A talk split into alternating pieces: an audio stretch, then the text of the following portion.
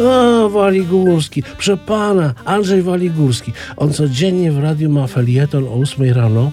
To, co ten facet przez 5 minut mówi, tam czy 10, to się nie mieści w głowie. To są niedomówienia, czyli rozmowy niezobowiązujące w RMF Classic. Dzień dobry Państwu, Artur Andrus przed mikrofonem, a naszym gościem jest dzisiaj Olek Grotowski. Bardzo się cieszę. Przed chwilą koleżanka, wprowadzając nas tutaj do studia, zwróciła się do ciebie per panie Aleksandrze.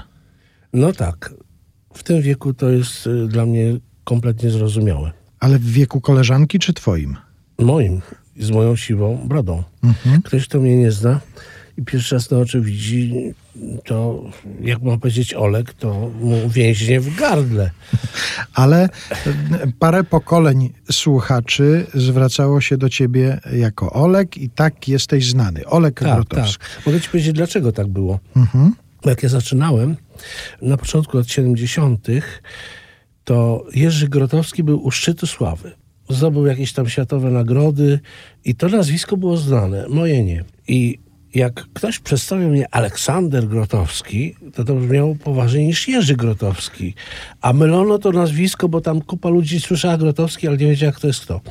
I ja pomyślałem sobie, ja nie mogę być tak bardzo mylony, bo że jak będę Oleg Grotowski, to ludzie poczują, że to jest jakaś niepoważna rzecz, a nie światowej sławy reżyser teatralny. I w ten sposób, no, to przeszło. To dobrze brzmiało nawet, jak się zapowiadało i tak dalej. Tym bardziej, że przecież to były śmieszne rzeczy i takie nienadęte. Więc to jest jeszcze taka informacja, której wcześniej chyba nikt nie podawał, bo nie mógł podawać, bo ja teraz na nią wpadłem, że być może Jerzy Grotowski też wtedy myślał o tym, żeby przedstawiano go Jurek. O, wątpię. Olek, zatem będę się do ciebie tak zwracał, chociaż nie ukrywam, że miałem ochotę zwracać się do ciebie per legendo. O? Jezu, legenda, nie, to już... A tak, dobra, możesz mówić, bo ja uważam, że to, co ja robiłem w latach 70. było znacznie ciekawsze od tego, co robię teraz. To Ale ja- legenda. Nie, nie, nie. To nie jest absolutnie porównywanie tego, co robisz teraz z tym, co robiłeś kiedyś, tylko świadomość tego, że dla paru pokoleń ludzi, którzy na przykład interesowali się piosenką kabaretową, turystyczną, studencką, ty jesteś legendą. Oni cię bardzo dobrze kojarzą. Na pewno do ciebie przychodzą czasami ludzie i mówią: Byłem na pana koncercie. potem 30 lat temu, tak. No właśnie. Są tacy. I ja ten koncert pamiętam jeszcze w dodatku. Mogę ci opowiedzieć śmieszną historię, jeżeli chcesz. Jak kiedyś zagrałem w Kielcach, a było to w latach 70. Bodajże w sie- 78 roku. Albo 79. No tak mniej więcej. To były juwenalia, jakiś tam szalony koncert różnych wykonawców. Mój oczywiście też i tam mi nieźle poszło. W każdym razie dostąpiłem zaszczytu bycia zaproszonym na kolację organizatorów taką gdzieś tam na uboczu. No i tak usiedliśmy sobie i tam coś, no jakiś tam catering skromny był, bo to przecież siermierzny okres. I tak sobie rozmawiamy jakiś człowiek mówi, wiesz Olek, ja byłem na twoim koncercie kiedyś w Zakopanem, ale ja wtedy nic nie zrozumiałem, bo ja byłem za głupi. Teraz, teraz, mówi, to była rewelacja dla mnie. A wtedy siedziałem jak głąb. A ja mówię, pamiętam cię, siedziałeś przy trzecim stoliku od okna, nie było nikogo przy twoim stoliku, tylko sam byłeś ubrany na czarno. O Jezu, ja, a oni wszyscy zamilkli. Ja im wtedy wyjaśniłem, że to było proste, dlatego że ja miałem tylko dwa koncerty w Zakopanem. Jeden to był koncert konkursowy, Złote Rogi Kozicy, tam jakąś nagrodę dostałem. A drugi to był koncert w, w tym samym miejscu, bo tam był Empik. Zaproszono mnie właśnie te stoliki i zapamiętałem tego gościa w, w który się ani razu nie uśmiechnął, bo ja myślałem, że to jest tajniak. Że siedzi i słucha, chociaż jest młody. Mówię, teraz takich młodych tajniaków przesyłają, cholera jasna. Dziwne, dziwne. I on tak siedział ponuro i myślę sobie, ale mam ciecia na, na, na, na, widowni. I na koniec spytałem, czy y, chcieliby oni czegoś posłuchać y, mogą tematykę podać albo nastrój i ten facet się odezwał. Coś lirycznego. Ja to zapamiętam.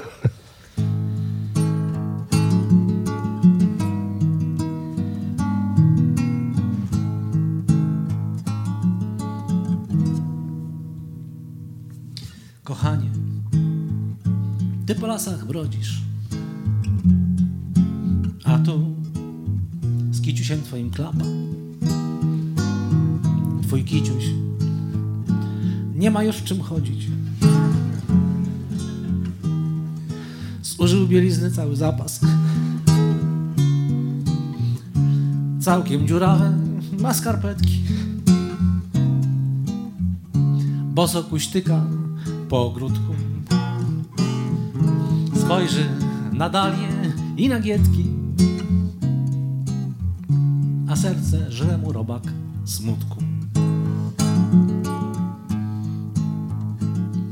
Ty sobie bawisz w Marienbadach, w Sobotkach, względnie w Obornikach i nie wiesz, co twój kiciuś jada, jakie paskudztwa czasem łyka. Jak mu nie służy kalarepka, jakie mu brzuszek czyni harce, gdy jest spleśniałe skórki z chlebka. Coś zostawiła je w szpiżarce.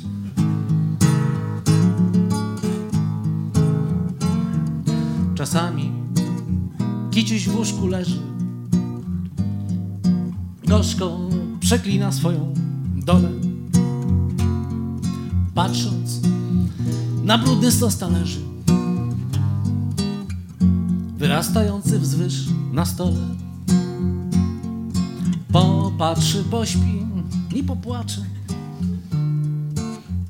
zabeczy jak zbłąkana owca. O miła, kiedy cię zobaczę, wróć z tej Ostendy czy z Wągrowca. Zjaw się, zaceruj dziury w spodniach, spraw, by znów wszystko zajaśniało. Nie zdradzam cię już od tygodnia.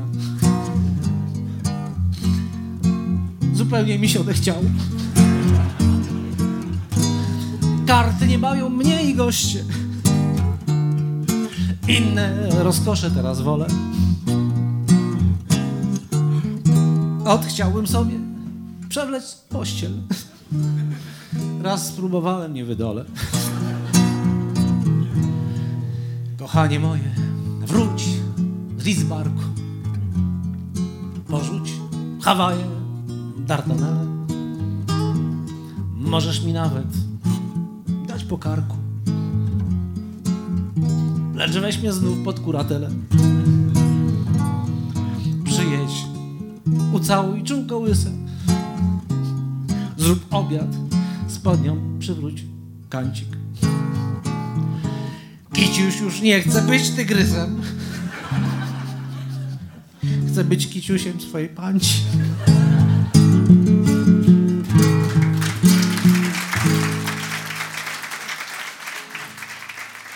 Olek Grotowski, jak już powiedziałem, legenda, e, legenda piosenki studenckiej, kabaretowej, turystycznej jest dzisiaj w niedomówieniach e, w RMF Classic. Przepraszam cię bardzo, no będę się tą legendą posługiwał, bo, bo jesteś.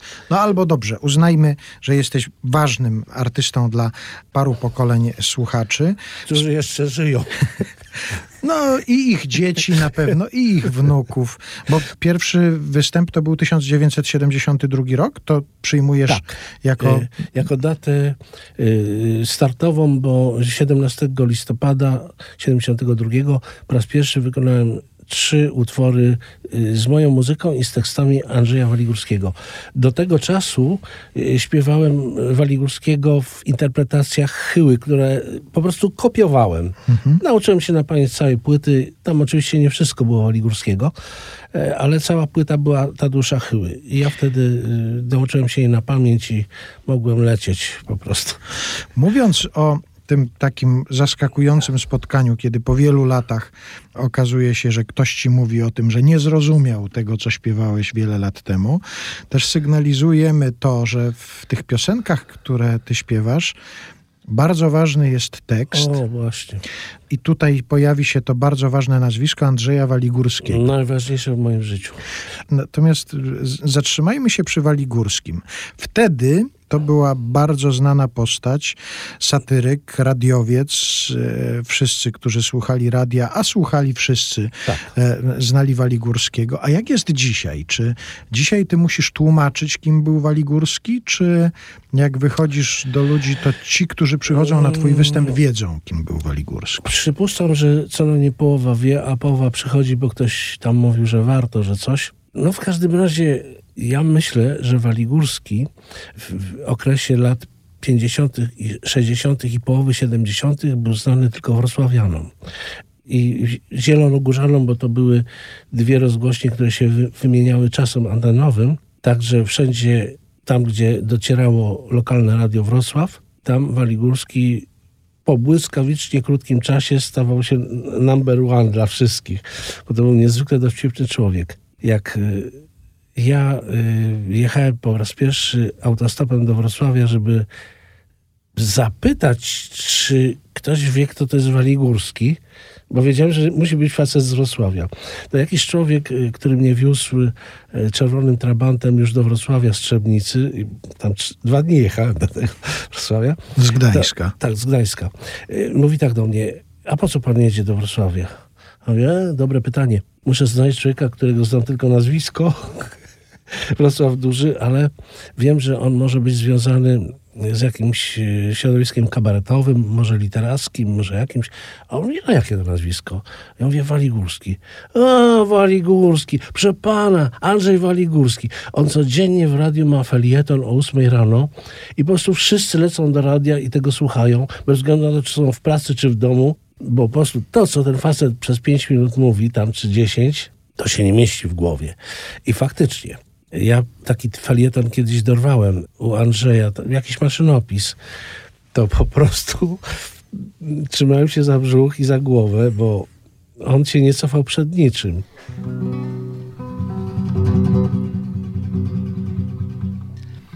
Rycerz Zenowit Reptak w szmelcowanej zbroi. Stanął zbrojno i konno u zamku podwoi. Miał pancerz, hełm i kopie, jak zwykle rycerze. I miecz, którym uderzył o zamkowe wieże. Hej, odebrzmiało echo o gotyckie blanki. Skoczył na nogi książę, spojrzał z zafiranki, skoczył, spojrzał, oniemiał i zadrżał ze strachu. Stoi pod drzwiami rycerz, dreptak na wałachu. Stoi dreptak wśród blasków, szczęków oraz zgrzytań i zasuwa monolog, co się składa z pytań. O taki, hej, kto mężny odpowiedzieć musi, która z pań jest piękniejsza od mojej Magdusi która ma liczko większe, mniej zepsute ząbki. Czyj biuścik przypomina dwa młode gołąbki z ryżem. Czyje oczęta są mocniej błękitne, która jest taka miła, kochana i ładna. Tutaj struchlały książę, wymamrotał żadna. Wówczas rycerz się zachwiał na swoim bachmacie i rzekł, żadna to szkoda o kurtka na wacie, bo z Magdą już nie mogę. Jestem u sił kresu. Tu spiął konia i ruszył w dal szukać adresów.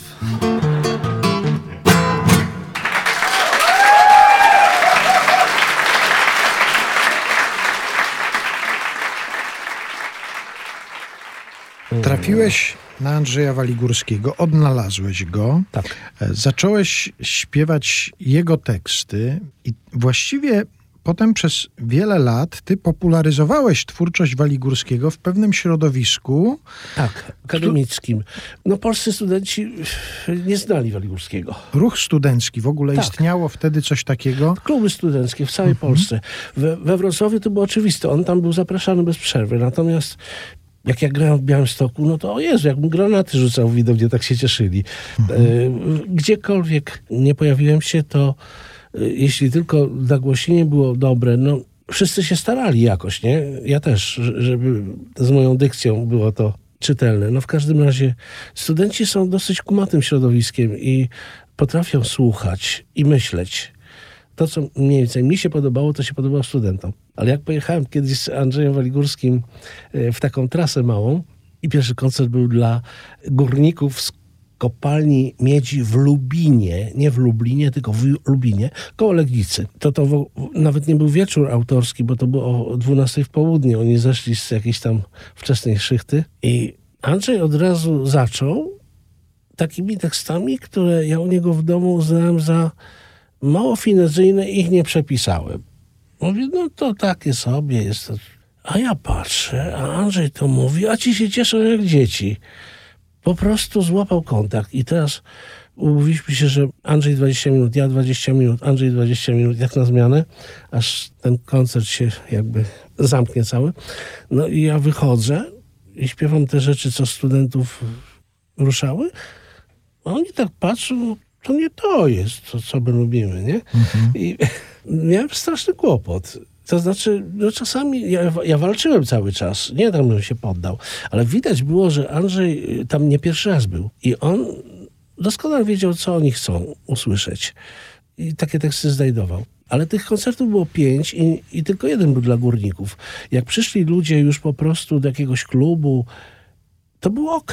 Okazało mhm. się, że słuchali tych tekstów, które bardzo lubiłem, z równym zachwytem, jak ja je im sprzedawałem, bo ja, ja, ja się też śmiałem z tych tekstów.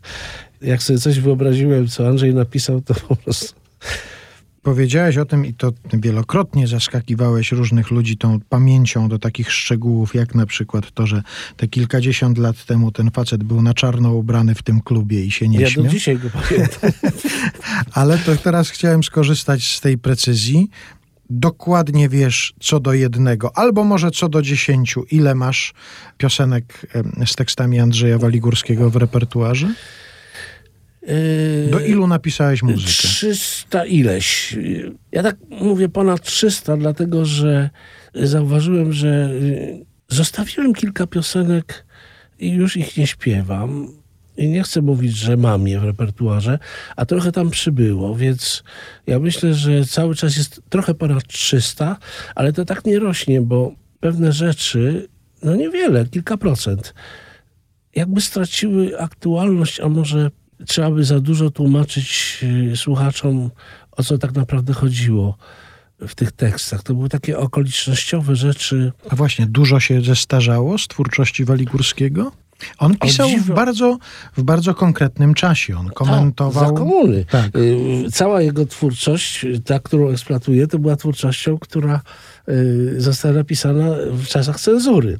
A to jemu ułatwiało stosowanie takich metafor. On nie mógł wprost powiedzieć coś, natomiast pisząc o jakimś rycerzu, y, mógł powiedzieć wszystko. No ale ludzie sobie natychmiast dopasowywali postać rycerza do kogoś tam i była wielka no. radość, że, że zrozumieli. Aluzja, aluzja. No właśnie. Jak y, upadła komuna, to Andrzej zaczął być takim publicystą. Y, w sensie pisał teksty bardzo konkretne, bardzo polityczne, przedstawiające jego poglądy w danym momencie i nawet potem się wycofywał z tego, bo tak szybko historia się zmieniała. No i teraz jakbym jak czytam te teksty, to są znakomite y, na tamten czas.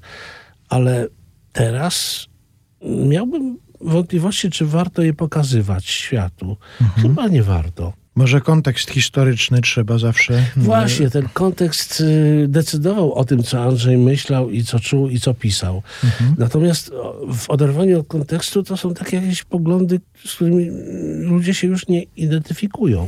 No tak, ale jest duża część jednak tych piosenek, które są uniwersalne i ogromna, dzisiaj też. Bez... Ogromna. To 90 parę procent. Mhm. Także y, to nie jest dla mnie problem, tylko ty się pytałeś, jakie się zestarzały. Te najbardziej współczesne, pisane w ostatniej chwili, w ostatnim roku życia, nie, w przedostatnim roku życia Andrzeja, bo on nie napisał nic przez ostatni rok. Mhm. E, A zmarł w roku 92. Drugim, 10 maja. I to jest taka historia, którą ja jakby odkryłem, dlaczego on nie pisał przez ostatni rok. To smutna historia, nie wiem czy mówić, bo to taki fajny program. No ale życie nie jest wyłącznie wesołe. Więc y, na fali tego, że już nie ma cenzury i można wszędzie grać i wszystko, y, Andrzej Waligórski i Elita wystąpili w Operze Leśnej na wyborach Miss Polonii. Publiczność, która przychodzi na Miss Polonię, to nie jest publiczność kabaretowa. Kabaret był tam dodatkiem. Niekoniecznie muszą łapać jakieś subtelności, które tutaj Elita dla swoich wiernych słuchaczy mogła serwować z wielkim sukcesem. I ja sobie przypomniałem, jak ja występowałem w Operze Leśnej. Jaki to jest dla mnie horror, jak pierwszy rząd jest 40 metrów ode mnie, a ostatniego w ogóle nie widzę, bo jest gdzieś tam wysoko na koronie tego amfiteatru i śpiewając miałem pewność, że nikt nie rozumie tekstów, że oni tylko odbierają dźwięki. Te kabarety, które występują w operze leśnej i odnoszą sukces, to grają wielkimi rekwizytami, bieganiem po scenie, krzykiem, ruchem scenicznym. Żaden stojący Bart, który ma jakieś e, cieniuteńkie aluzje, tam się nie przebije. Po prostu maleńki klub jest dla niego miejscem. I teraz tak, Andrzej przeczytał swojego pana Tadeusza. Ja słyszałem tego pana Tadeusza wielokrotnie na małych salach. Po prostu ja płakałem ze śmiechu razem z całą widownią i to było coś cudownego. Po prostu on był mistrzem. Mistrzem ocierania się o, o bandę, y, jeśli chodzi o wul, wulgarne jakieś słowa, które podawał z takim wdziękiem, że ludzie mówili, Jezus, to jest po prostu coś niesamowitego, jak ten człowiek operuje słowem. I teraz opera leśna. I zaczyna czytać pana Tadeusza. To nie wyszło. Nie miało prawa wyjść. I jak Andrzej zmarł, to po pogrzebie ja poszedłem do Lesi razem z, wiel z wieloma gośćmi i spytałem, czy mogę posiedzieć przy biurku Andrzeja chwilę. Do żony Andrzeja Tak, Waligórskiego. tak, oczywiście, że do żony Andrzeja Waligórskiego. Lesia mówi, no jasno, usiądź tam. No i tak usiadłem przy tym biurku i tak myślałem o Andrzeju i tam znalazłem pocztówkę sprzed roku. Pocztówka była yy, wysłana z Tczewa przez jakiegoś telewidza, który napisał do naczelnego Radia Wrocław, że trzeba wyrzucić Andrzeja z pracy, że jest człowiek, który zabija polską kulturę, że jest człowiek, który wulgaryzmami niszczy arcydzieła, czyli Mickiewicza, pana Tadeusza. I na pocztówce był yy, napis, yy, dopisek yy, naczelnego. Przekazać zainteresowanemu. I Andrzej tą pocztówkę na biurku miał cały rok nie wyrzucił jej. Nie miał innych pocztówek. To była tortura. Ja nie wiem. On był wrażliwym bardzo człowiekiem. I on nie napisał nic.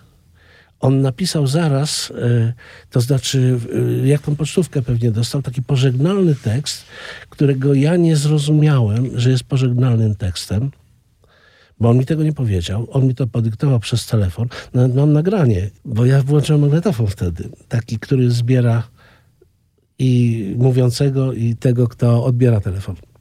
A był o takim ekshibicjoniście, który ostatni dzień jest w pracy, który odchodzi na emeryturę. To był bardzo smutny tekst, chociaż też bardzo dowcipny. No i ja nie wiedziałem, że to jest o Andrzeju, a on mi tego nigdy by nie powiedział. Dopiero jak skojarzyłem tą pocztówkę i datę powstania tego utworu i to, że on nic już nie napisał, to zrozumiałem, że to był jego pożegnalny tekst. Bo wprawdzie parę dni po pogrzebie poszedłem do agencji Elita i Łaciak mówi, wiesz co, ja mam ostatni tekst Andrzeja Waligórskiego, którego nie mogę ci dać, bo on jest napisany dla e, Kazimierza Kaczora. W telewizji był taki jakiś konkurs i tam wyznaczyli losowo Waligórskiego, że ma Kaczorowi napisać i Andrzej dał ten tekst parę dni przed śmiercią. I ja mówię, a mogę chociaż spojrzeć na ten tekst. A mówi, spojrzeć możesz, ale nie możesz go przepisać. I ja zobaczyłem, że to jest stary tekst Andrzeja o kompaniu psa, który byśmy już śpiewali z Gosią, ale miał ostatnią zwrotkę zmienioną. Czyli rzeczywiście może coś napisał, ale tylko właściwie uaktualnił tekst stary, dowcipny, który chciał powierzyć Kaczorowi do wykonania telewizyjnego. I nadal się upieram, że ostatnim jego prawdziwym tekstem był ten Ostatnia ekspozycja, tak się nazywał.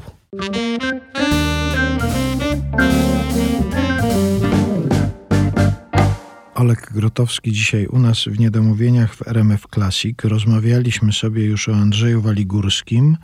Imię kolejnej osoby, o której chciałbym porozmawiać, Gosia, czyli Małgosia Gosia Zwierzchowska. No tak.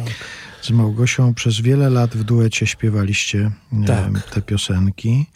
Poznaliście się w taki sposób, że Gosia usłyszała ciebie na scenie, zobaczyła. To była dosyć skomplikowana historia. Miałem koncert po stanie wojennym na zakończenie jakiegoś ogólnopolskiego rajdu z piosenką. Tam było dużo wykonawców, a ja byłem tak zwaną gwiazdą, to znaczy śpiewałem na koniec. I Gosia tego słuchała, ale nic nie zrozumiała, bo była na pierwszym roku dopiero studiów. To zdarzały się takie sytuacje, ale odebrała atmosferę. To znaczy ludzie bardzo fajnie reagowali na mnie, ja na nich. No pełne porozumienie, a ona tylko oglądała tą interakcję, nie wnikając co ja śpiewam i dlaczego oni się śmieją. Tylko, że jest fajnie. No A ona też tam występowała? Czy? nie, nie, ona w ogóle nie robiła takich rzeczy. Ona lubiła piosenki turystyczne. Y, Chociaż ponoć skończyła średnią szkołę na fortepianie.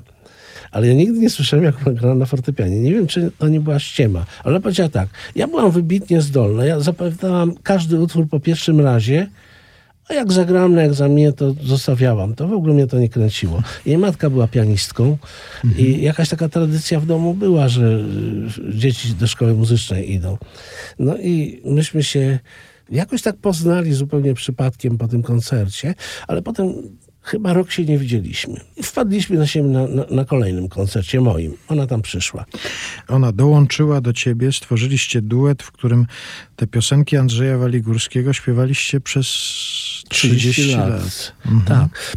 To było tak, że myśmy do siebie w pewnym momencie poczuli miętę, chociaż to było tak, że ona też uwodziła mnie swoją muzykalnością taką, bo potrafiła to, coś tam śpiewała, jakąś piosenkę turystyczną, natomiast drugi głos piękny dorabiała. Ja mówię, jak ty to robisz? No, to jest proste przecież, nie? Żadna polifonia, tylko tercja. I w pewnym momencie ja mam jechać na giełdę i ja mówię, słuchaj, na giełdę w Szkowskiej Porębie. I mówię tak, słuchaj, a może ty zaśpiewasz ze mną jakiś refren? To jeszcze wyjaśnijmy na giełdę piosenki, bo Tak, nie, nie samochodową. Giełda, tak, giełda piosenki turystycznej w Szklarskiej Porębie, baza pod ponurą małpą i tam co roku zbiera się tłum ludzi. Ja tam rzadko jeżdżę, bo to jest jednak daleko od Gdańska. Wtedy mieszkałem w Łodzi jeszcze. No w każdym razie... Zaproponowałeś, żeby Małgosia zaśpiewała tak, z za, tobą. za, y, że dostanie plakietkę i wyżywienie. I, miejsce, I w miejsce w namiocie. Bo tam nikt nie grał za pieniądze, ale ona przynajmniej nie będzie kibicem, tylko wykonawcą. Jasno, jasno, ona tego. I zrobiła taki numer, że w jednej piosence miała grać tylko na trójkącie. Na początku każdej zwrotki uderzenie w trójkąt. Takie sprytne, myśmy coś tam wymyślili. I ona ukradła mi cały show. To znaczy, trzymała rękę w górze z tym podbijakiem do trójkąta, a ludzie czekali, kiedy w niego walnie, całą minutę nieraz, a jak walnęła, to taki, taki entuzjazm, a ona się tym napawała i trzymała ludzi w napięciu do końca piosenki, a ja zdałem sobie sprawę po piosence, że nikt nie zrozumiał tekstu, tylko wszyscy patrzyli, kiedy ta dziewczyna uderzy ten trójkąt, bo ona się umiała na scenie odnaleźć, przerwili się do mnie. Ja po prostu miałem tekst, no jak im się podobał, to słuchali tego tekstu. I nie patrząc na mnie. A w tym przypadku Gosia była osobą wybitnie sceniczną. Potrafiła y, ściągać na siebie uwagę. I ja pomyślałem sobie, a niech ściąga, ten refren ze mną zaśpiewa, będzie fajnie. I tak się stało właśnie, że to ona była tą frontmenką, chociaż ja byłem tym mózgiem z tyłu, ale wi- wiadomo, że ludzie nie oglądają mózgu człowieka, tylko jego twarz, nie? I ona robiła za tą twarz. Ale mm, na pewno wiele osób pamięta wasze wspólne występy. Zostały nagrania wasze wspólne. No Jest- myśmy się starali, żeby to jednak było duetem, nie? Ale ja zdałem sobie, zdawałem sobie sprawę, jak to ma większe parcie na scenę. Wolałem jej akompaniować, niż y, błyszczeć tam gdzieś. Tym bardziej, że lubię grać, no, a, śpiewanie sprawia mi pewną trudność. Takie bel canto tak zwane. Polonista to nie zawód, tylko hobby. Polonistą być nie życzę nikomu. Polonista po godzinach nie dorobi, choćby zabrał roboty do domu. Polonista nie wędruje po mieszkaniach, nie odzywa się wchodząc ze dworu. Bardzo ładnie rozbieram zdania, czy jest jakieś stare zdanie do rozbioru. Choćby szukał racji, pretekstów, i tak zawsze pozostanie na uboczu. Mniej się ceni analizę tekstu od banalnej analizy moczu. Cera blada na portkach łaty, rozmaite braki w kondycji. Oświeceniem nie oświecisz sobie chaty. Pozytywizm nie poprawi twej pozycji. Poloniście sterczą chude żebra, jak sztachety mizernego płotu. Gdy się jeden raz u Kaśki rozebrał, to się składał z orzeczenia i z podmiotu. A jak inny znowuż zleciał z ławki, bo był gapa wyjątkowa i niezguła, to zostały zeń cztery przydawki, dwa zaimki i partykuła.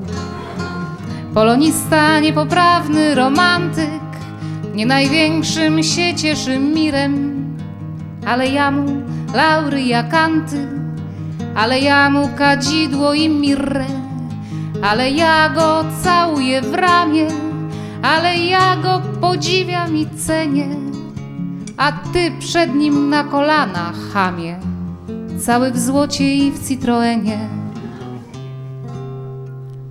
Bo jeżeli jesteś i ja jestem, to dlatego, że stojący na warcie, polonista znużonym gestem, kartki książek przewracał uparcie. Za Kaisera i za Hitlera, i za cara, i za sekretarzy paru. I dlatego właśnie nie umiera coś ważnego, co nazywa się naród. Więc zamieszczam na końcu listu ja satyryk, błazen i ladaco. Zdanie proste, kocham polonistów. Rozwinięcie zdania, bo jest za co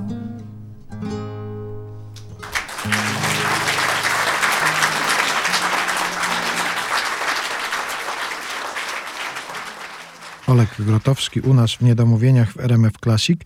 Ja zaczynając nasze spotkanie zapytałem, czy mogę zwracać się do ciebie per legendo i to naprawdę nie są żarty, żebym ja tutaj sobie jakoś żartował z ciebie. Uważam, że... No zdzierżę. Ale dobrze, ale no nie będę nadużywał tego. Mhm. Natomiast chciałem cię zapytać, jeżeli chodzi o muzykę. Kto dla ciebie był legendą, jak ty zaczynałeś? Zaczynałeś się uczyć grać na gitarze, zaczynałeś wychodzić na scenę. Mówiliśmy o tym, że to był zupełnie inny świat. Istniał ruch studencki, kluby, w których się grało, a był ktoś, kto ciebie pod względem takim muzycznym ukształtował, wychował, zachwycił? Bo y- jeżeli chodzi o tych wykonawców śpiewających, no to wspomnieliśmy na przykład Tadeusza Chyłę, który interpretował piosenki Andrzeja Waliburskiego. Tak, tak. A muzycznie? A muzycznie to ja się zafascynowałem brzmieniem Shadowsów, gitarą prowadzącą, która gra takie piękne melodie. Ja w ogóle w czasie, kiedy y, słuchałem Shadowsów jako nastolatek, i to taki młody nastolatek, to mm, w ogóle nie, nie wiedziałem, co to są akordy y, w muzyce. Chociaż słyszałem zmiany funkcji harmonicznych, jak tam wiedziałem, że to jest takie zjawisko fajne, które z przyjemnością wyławiam słuchem, ale nie wiedziałem, że to trzeba grać akordy jakieś. Tylko słyszałem, że kontrabas przechodzi na inną jakąś wysokość, że coś tam się zmienia i śledziłem to, wiedziałem kiedy się zmienia, natomiast fascynowały mnie melodie, które grał gitarzysta. Do, nasze dosi do dzisiaj są najbardziej rozpoznawalnym brzmieniowo zespołem y, instrumentalnym i ja chciałem tak grać właśnie w ogóle nie interesowały mnie akordy, tylko granie solówek tak zwanych. I to nie szaleństw jakichś yy, typu improwizacje, tylko takich yy, melodii, tak jakby gitara śpiewała. To jakoś próbowałem robić, ale ludzie y, jakby wybuszali do mnie próby śpiewu, bo mówili, no grasz i grasz ciągle, weź coś zaśpiewaj, może znasz coś. Tak, po prostu nie lubili może instrumentalnej muzyki. No i ja, wiedząc, że mam nędzny głos, próbowałem śpiewać piosenki śmieszne, które jakby odwracały uwagę od walorów głosowych, a przenosiły ciężar na, na tekst. No i wyławiałem takie piosenki od wszystkich innych gitarzystów, którzy mieli duży repertuar. I w końcu zauważyłem, że najlepsze rzeczy są Tadeusza Chyły, które ludzie śpiewali. Kupiłem sobie płytę i nagle odkryłem, że to nie Chyła był autorem tekstów, bo on robił muzykę. Ja mówię, Jezu, ja też bym mógł zrobić muzykę do śmiesznego tekstu. A Waligórski był najlepszy na tej płycie, bo tam jeszcze byli inni. Chyba czterech czy pięciu różnych autorów. Ale Waligórskiego była połowa płyty, tak rozrzucona zresztą po, pośród innych piosenek. I jak już zobaczyłem, że ten Waligórski jest najbardziej kolorowym tekściarzem, najdowcipniejszym, to myślę, Jezu, trzy ballady o dreptaku, chyła śpiewa, może Andrzej napisał czwartą jakoś. No, nie wiedziałem, że to Andrzej, bo to był A. Waligórski na płycie. A. Waligórski. Więc może ten Waligórski napisał jakąś czwartą balladę o deptaku i gdzieś w szufladzie została. Jakbym go tak gdzieś znalazł, to bym spytał o tą czwartą balladę, czy może jest gdzieś i się marnuje.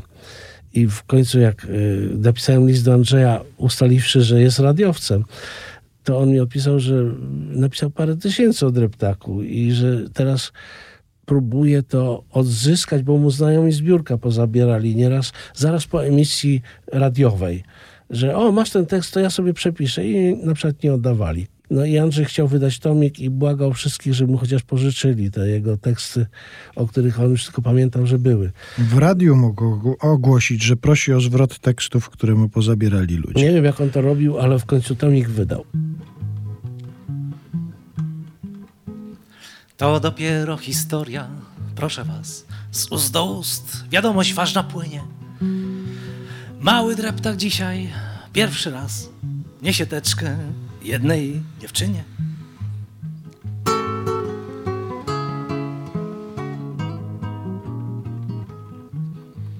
Dotąd ciągnął ją za warkoczyki i w ogóle wolał siedzieć nad rzeką. A tu patrzcie, ona idzie chodnikiem, a dreptaczek za nią z wielką teką.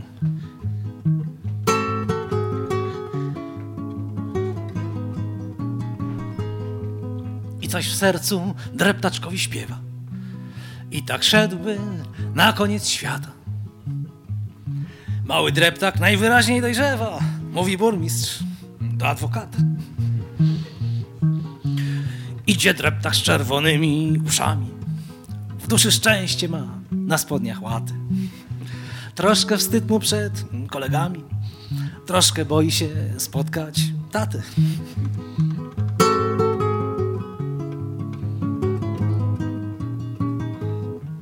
Ale tata i tak wszystko widział.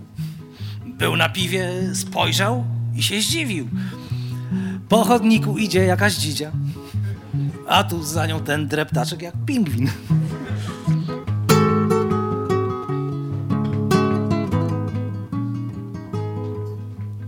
Tata nawet się wzruszył troszeczkę. Rzekł ochryple, jeszcze mi pan nalej. Bo przypomniał sobie swoją pierwszą teczkę potem pierwszą wycieczkę i tak dalej. Nawet wyjrzał za nimi na deptak, ale oni już za rogiem giną. Ta dziewczyna i ten mały dreptak, dreptający steczką za dziewczyną.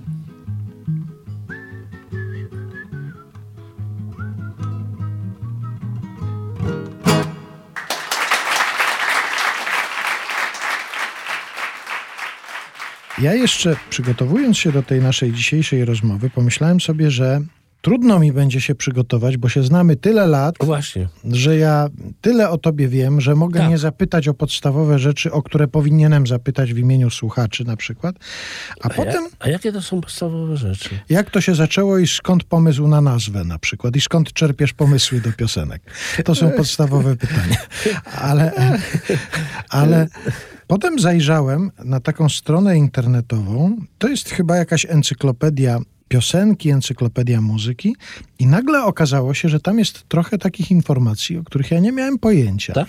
Bo nigdy nie rozmawialiśmy na ten temat. Na przykład jest informacja, że ty ukończyłeś studia matematyczno-fizyczne na A uniwersytecie. nieprawda, nie, A, zaczynałem więc dwa właśnie. razy. No więc właśnie. Znaczy, i sam rezygnowałem. Nigdy mnie nie chcieli wywalić. Nawet mnie taki y, doktor Gruniewicz opieprzał, że jestem idiotą, że rezygnuję. Ale to była matematyka? Nie, to była fizyka. Aha. Matematyka była głównym jakby elementem tej fizyki, a, a Górniewicz miał analizę matematyczną. To był najtrudniejszy przedmiot, a ja się zawziąłem, bo ktoś mi tam powiedział, że e, moje marzenia o tym, żeby zostać fizykiem akustykiem, mogą się dopiero na poziomie doktoratu e, jakoś e, zrealizować. A chciałeś się akustyką zajmować, tak?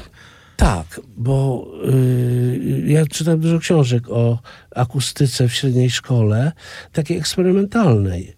Nie o elektroakustyce, nie o mikrofonach i głośnikach, tylko o zjawiskach akustycznych y, niesamowitych. No, mógłbym teraz godzinę o tym gadać, bo jeszcze to pamiętam. I pomyślałem sobie, Boże, pójdę na fizykę i zostanę takim akustykiem, bo to jest super sprawa. Bawić się w takie coś.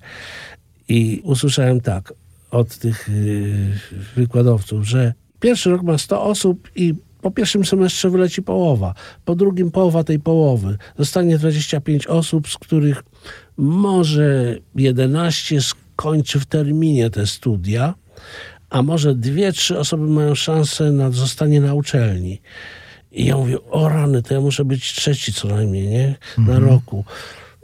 A tak według moich obliczeń byłem 17, chociaż harowałem jak wół i zarywałem noce i nie grałem na gitarze. I w pewnym momencie pomyślałem sobie, to jest najgłupsza rzecz, jaką ja wymyśliłem, że ja chcę skończyć fizykę nie grając na gitarze, chociaż fizyka miała być dodatkiem do gitarze. I mówię, dobra, poniosłem klęskę, przyjmuję to z pokorą, zostanę nocnym stróżem albo dróżnikiem, co między jednym szlabanem a drugim pogra na gitarze w budce i będę szczęśliwy. I no, ponieważ miałem dyplom elektryka, więc zatrudniłem się jako elektryk i zamiast dwóch godzin dziennie, co było moim planem, grałem cztery godziny albo i pięć. No i w ten sposób zostałem gitarzystą takim rockowym, jakimś tam wy- występowałem. A te balladki, które miałem, to traktowałem, bo już znałem Waliguskiego wtedy, jako taki dodatek. No i nagle się okazało, że za taki występ y, muzyczny to tam można dać trzy stówy, a za recital y, wyśpiewany to tam może tysiąc złotych, nawet jak gdzieś pojadę. I się okazało, że ja mogę z tego żyć, chociaż wcale nie, nie paliłem się takich występów. Skoro słuchają, no to śpiewam. I właśnie to tak jakoś wyszło, że zacząłem żyć ze śpiewania, chociaż wcale nie miałem głosu dobrego i nieraz chrypłem, bo tych koncertów było bardzo dużo. I w ogóle to przekraczało moje fizyczne możliwości. A rekordowa liczba tych koncertów to ile było? Tak gdzieś parę razy 38 przekroczyłem. 38 w miesiącu? Tak, tak. To było za dużo. I może dlatego ja tak z taką radością Gosię wypuściłem na front, bo ja chciałem sobie pograć. A przyjemnie się grało z tyłu i, i, i Gosia jak śpiewała, to ja jej robiłem drugi głos, a nie ona mi. No i nie miałem ambicji takich gwiazdorskich. Ważna informacja też się pojawiła w tej części naszej rozmowy i myślę, że to każdy, kto myśli o tym, żeby zostać fizykiem, powinien brać pod uwagę, czy to nie wpłynie na możliwości grania na gitarze. Niech, Jak niech ktoś się jest wybitnie zdolny albo wręcz genialny, to prawdopodobnie może spokojnie pograć na gitarze nawet na najtrudniejszych studiach. Ja chyba nie miałem aż takiego talentu y, do, do fizyki i matematyki, szczególnie tej wyższej matematyki. Ale powiem ci tak, ja miałem za, za dokładne podejście. Y, Na przykład facet mówi tak, y, przeczytajcie pierwszy rozdział takiego wielkiego dzieła Analiza matematyczna. I ja czytam. Coś mi się nie zgadza, widzę błąd. O kurde. Znowu czytam, znowu widzę błąd. Na pierwszej stronie znalazłem 15 błędów, na drugiej 30, bo to były takie małe literki z takimi indeksami, a kwadrat albo y, beta, alfa, coś, matematyczne jakieś w ogóle takie robaczki, nie? ja się przez to przegryzałem i osiem stron i padłem. I po prostu to było moje podejście, takie wiesz, że ja wszystko muszę zrozumieć, a to mi za dużo czasu zabiera.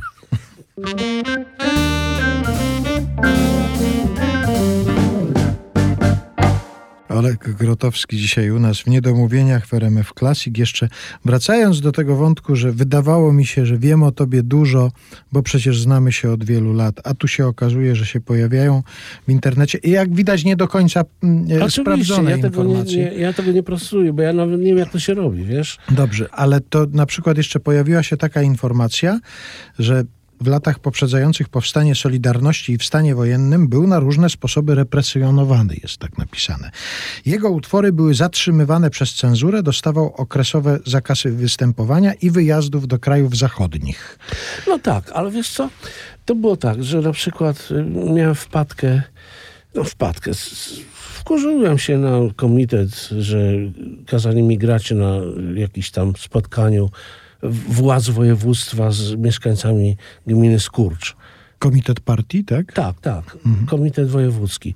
Zadzwonił do mnie człowiek, y, organizator, który robił już koncerty. Mówi, Czy ja nie zagram w Skurczu w Domu Kultury? No jasne, że zagram. No i jeszcze wziął tam Bukałę, tego z Wałów Jagiel- Jagiellońskich. Jeszcze Wałów nie było wtedy. I tam jeszcze kogoś, no jedziemy tam w czwórkę. I patrzymy, a to jest partyjne zebranie z mieszkańcami. I my mamy być tą częścią artystyczną. I to było takie, że ja bym się nie zgodził na to, gdyby mi facet powiedział.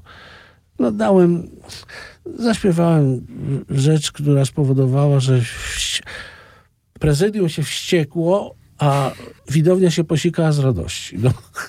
Ale to jakiś taki antypartyjny utwór, tak? Tak, tak, tak. Ja, ja tak, wyszedłem i mówię, że no jak słyszeliśmy z tych referatów, to u nas jest e, rewelacyjnie, no cudownie, wszystko prosperuje. Ale na dzikim wschodzie to tak nie bardzo.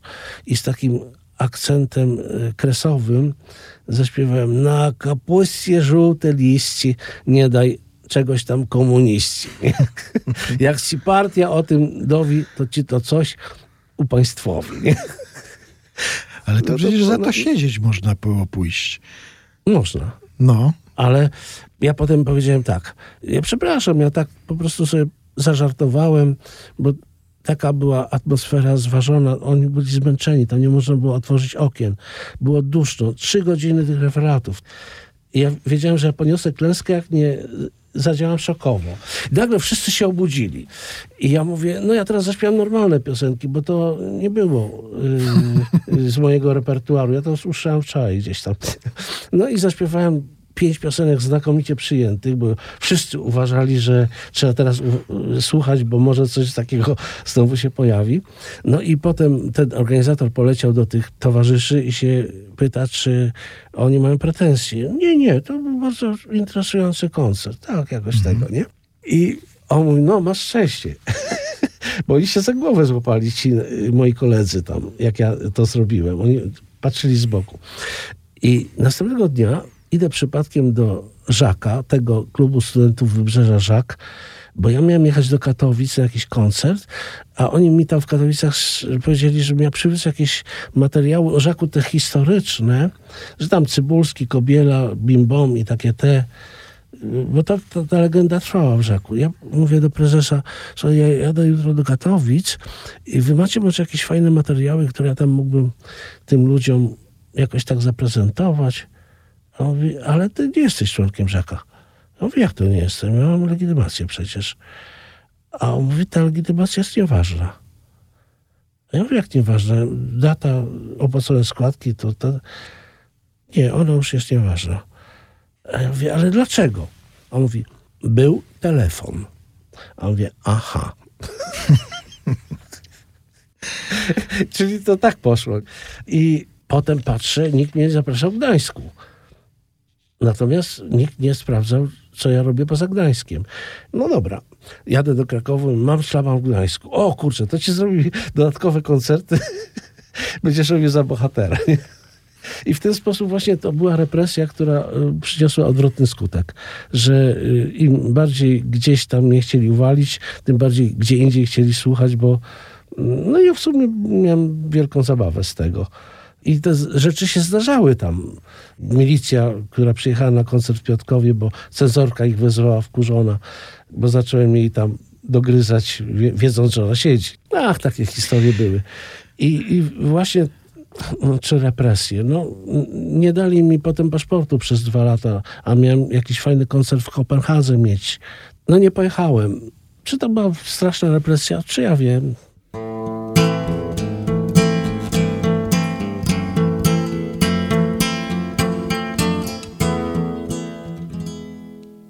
Zawierucha Wyje jak suka Mróz tak szczypie Jak dreptak dziewuchy A do mego okna Ptaszek puka.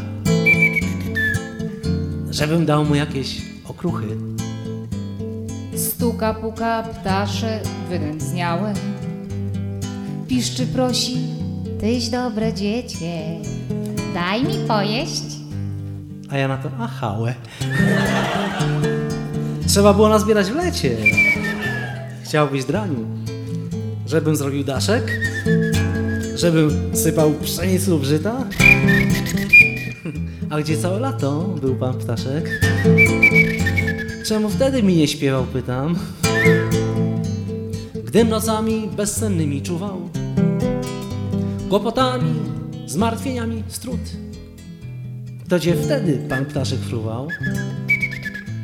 Przypuszczalnie na jakieś ksiuty? A, a gdy przyszła do mnie jedna walerka i gdy krew zaczęła we mnie tętnić, czemu wtedy ptaszek nie zaświerkał? Żeby tę walerkę roznamiętnić. Był wszak nastrój, adapter i flaszka. Księżyc miasto swym blaskiem pobielił, lecz zabrakło wówczas śpiewu pana ptaszka i zabrakło walerki w pościeli. Nie tak łatwo w mym wieku o babki. Swą absencją ptaszek wszystko zniszczył. Teraz ptaszek nie chucha w łapki. Teraz ptaszek nie chce piszczy. Życie ptaszku nie czytanka ze szkółki. Trzeba przez nie pchać się przebojem. Że co proszę? Kawałeczek bułki! A kaktusa. Sam sobie pojem. Zresztą co tam? Nie jestem zwierzę. Chodź pan tutaj, panie wróbelek. No masz trochę ty kopany w pierze. Ale latem to ćwierkasz, kuchnia felek.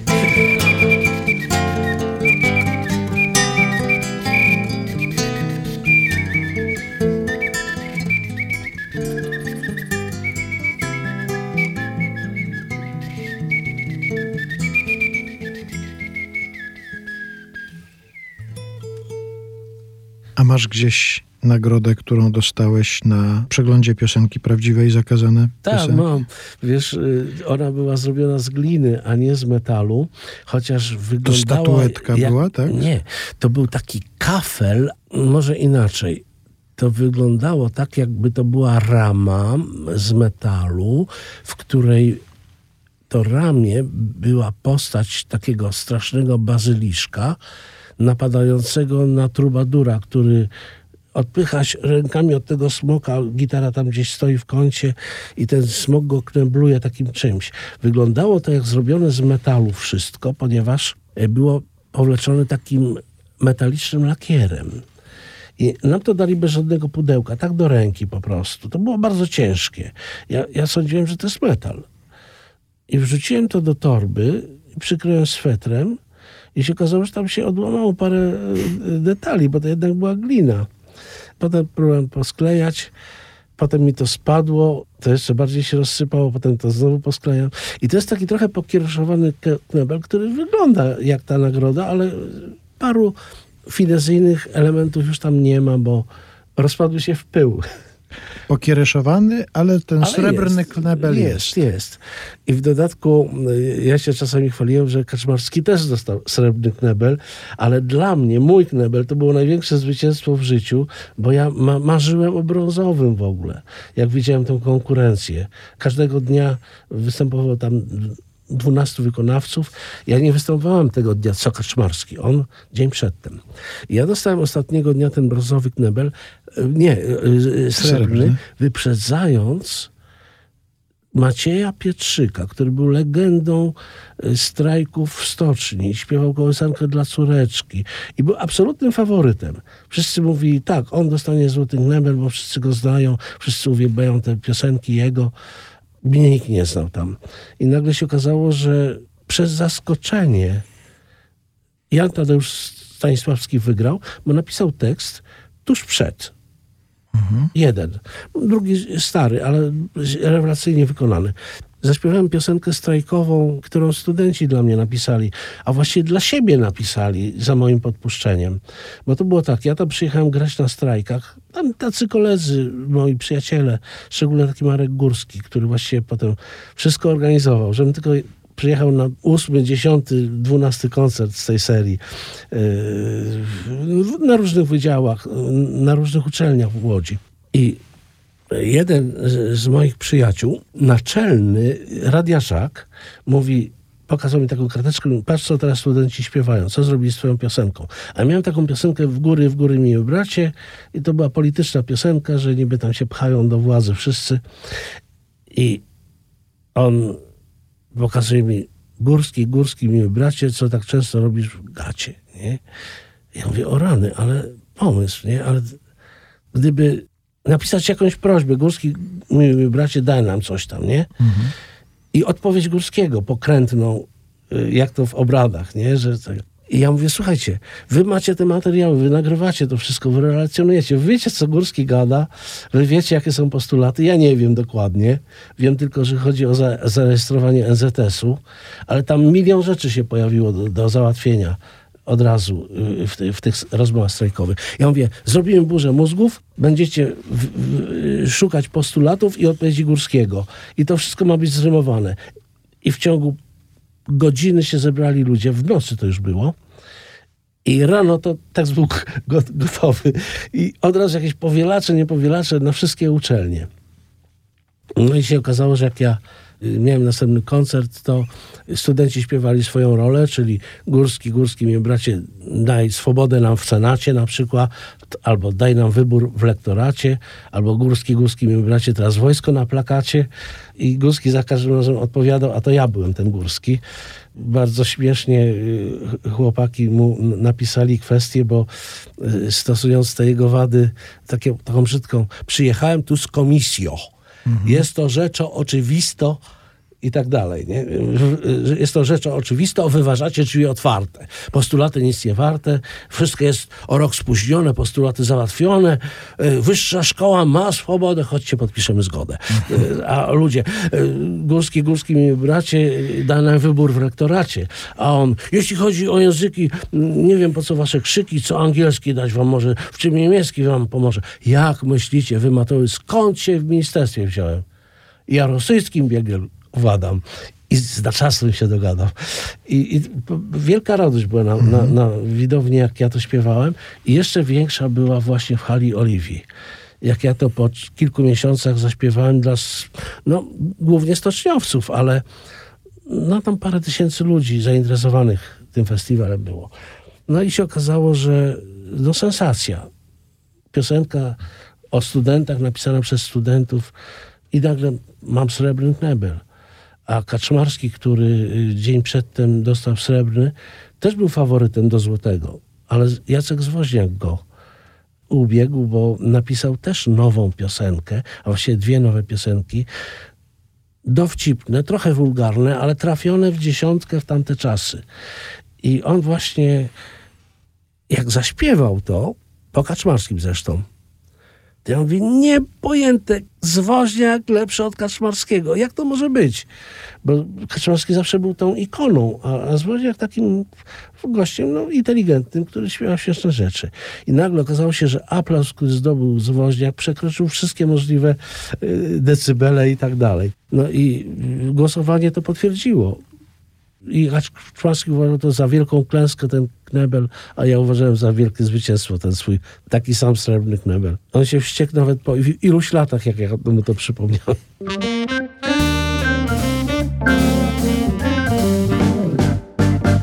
A propos tekstów, które trafiają w czas, my spotykamy się na świeżo po Twoim występie w Kielcach, który nosił tytuł Ballady, ba ballady o złej władzy. No myśli Rysiu Pomorski, mój przyjaciel od lat.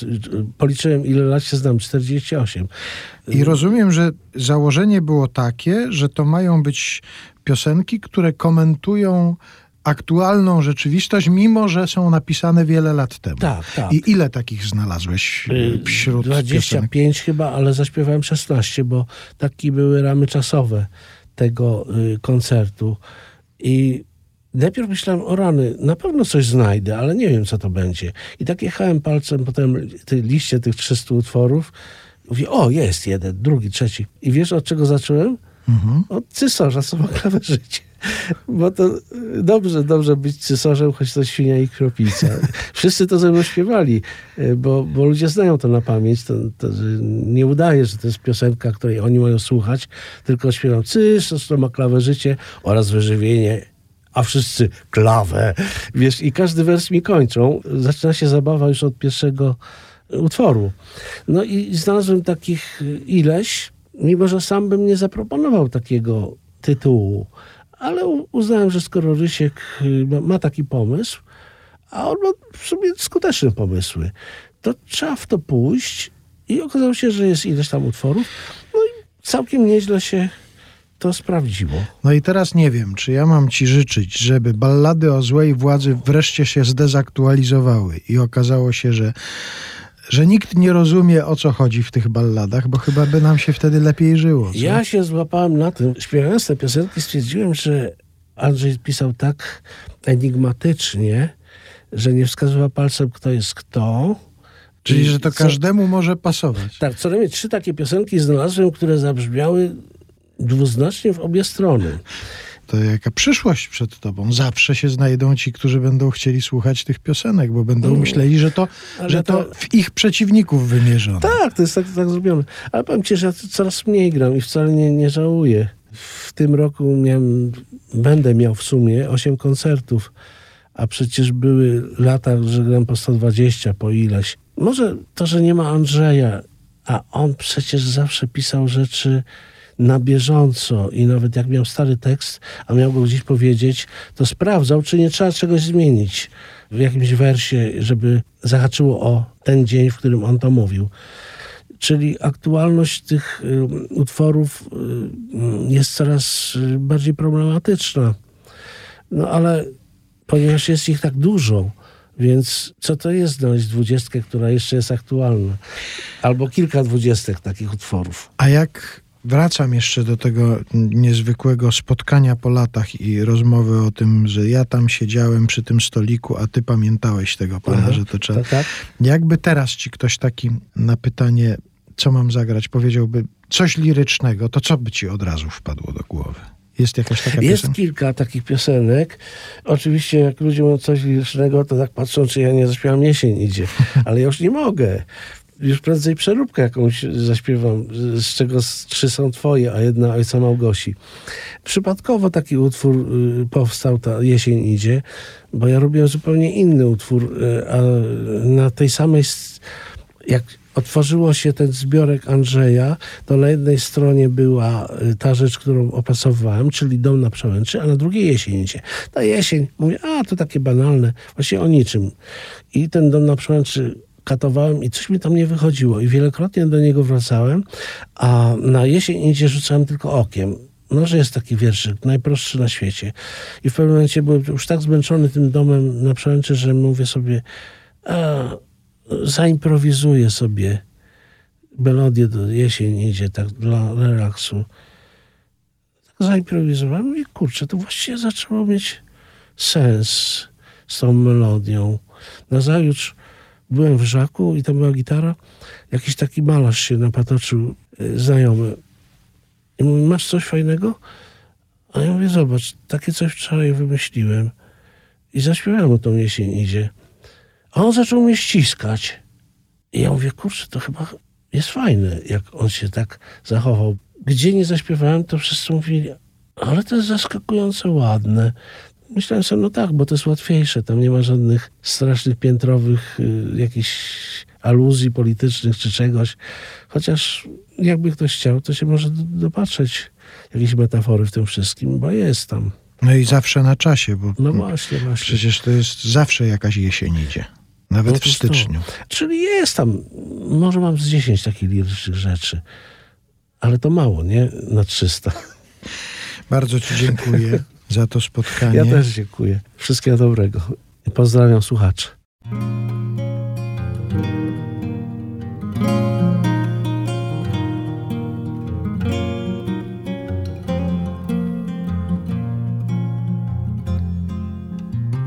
Raz staruszek, spacerując w lesie, ujrzał listek, przywiędły i blady. I pomyślał, znowu idzie jesień. Jesień idzie, nie ma na to rady. I podreptał do chaty podróżce i oznajmił stanąwszy przed chatą swojej żonie, tak samo staruszce. Jesień idzie, nie ma rady na to.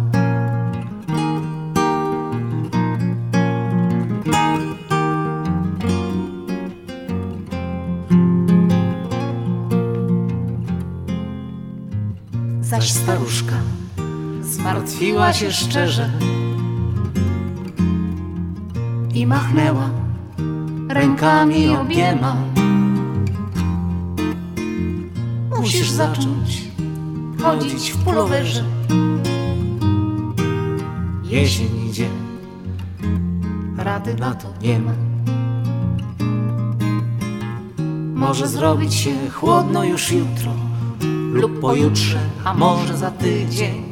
Trzeba będzie wyjąć z kufra futro. Nie ma rady. Jesień, jesień idzie.